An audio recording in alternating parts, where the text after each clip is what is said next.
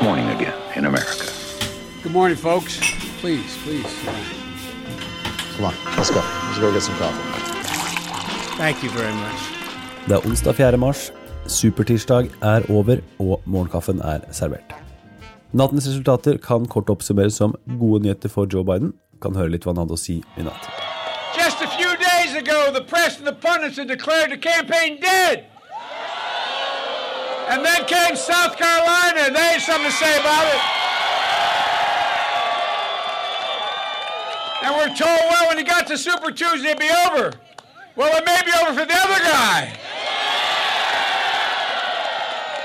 Tell that to the folks in Virginia, North Carolina, Alabama, Tennessee, Oklahoma, Arkansas, Minnesota.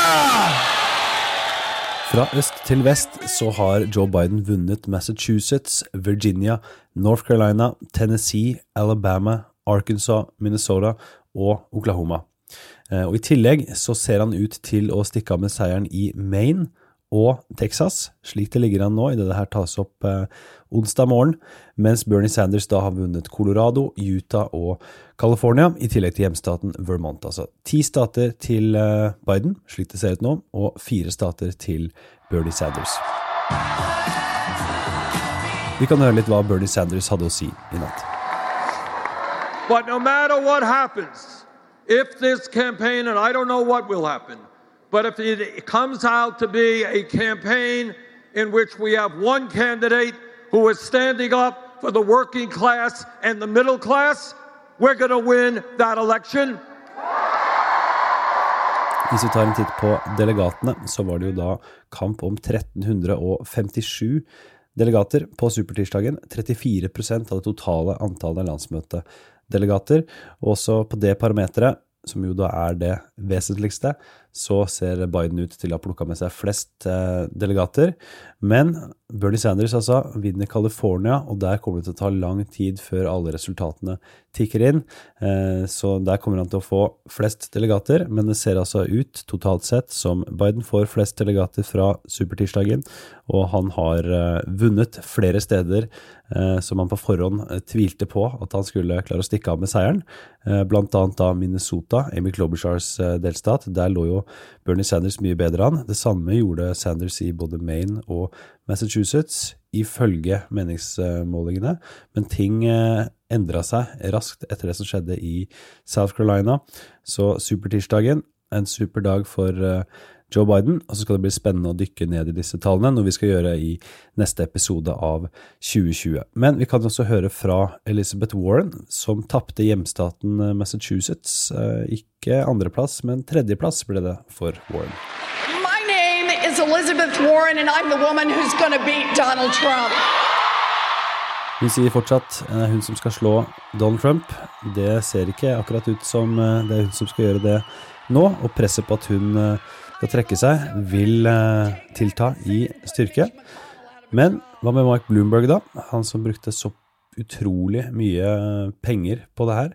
Han eh, gjorde det ikke særlig bra, men han plukka med seg noen delegater eh, her og der. Eh, og presset på at han også skal trekke seg, kommer til å tilta i styrke. Og vi kan jo her høre hva Bloomberg hadde å si da han var i Florida, der han hadde en tale i natt. And as the results come in, here's what is clear. No matter how many delegates we win tonight, we have done something no one else thought was possible.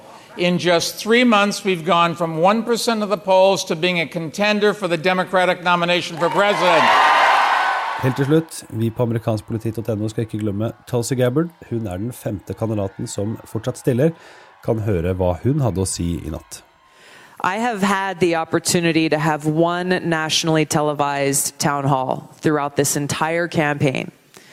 Just about every other candidate that's been running for longer than 100 days has seen double digits in town halls on all three cable networks. And it has not been for lack of, of seeking those opportunities, trust me. Uh, Det har vært en lang natt, men det som er sikkert, er at Joe Biden har tatt tilbake favorittstempelet fra Bernie Sanders når det gjelder hvem som ligger best an til å vinne den demokratiske presidentnominasjonen. For kun et par uker siden så hadde det hørtes ut som en ganske merkelig ting å si, men ting skjer fort i amerikansk politikk, og South Carolina ble virkelig et meget stort vendepunkt for Joe Biden. For de av dere som følger valgkampen tett, og hører du på dette, så er du en av de. Ta gjerne turen til patrion.com ampol. Våren Alme tilbrakte supertirsdagen i North Carolina og har spilt inn en valgkampdagbok der hun besøker et valglokale, intervjuer velgere, er med på en valgvake. Det tror jeg blir veldig interessant å høre, for å få et lite innblikk av hvordan valgkampen var på nært hold. Uansett, dersom du ønsker å abonnere på Morgenkaffen, ta turen til ampol.no kaffen Du kan ha det som nyhetsbrev eller da som podkast.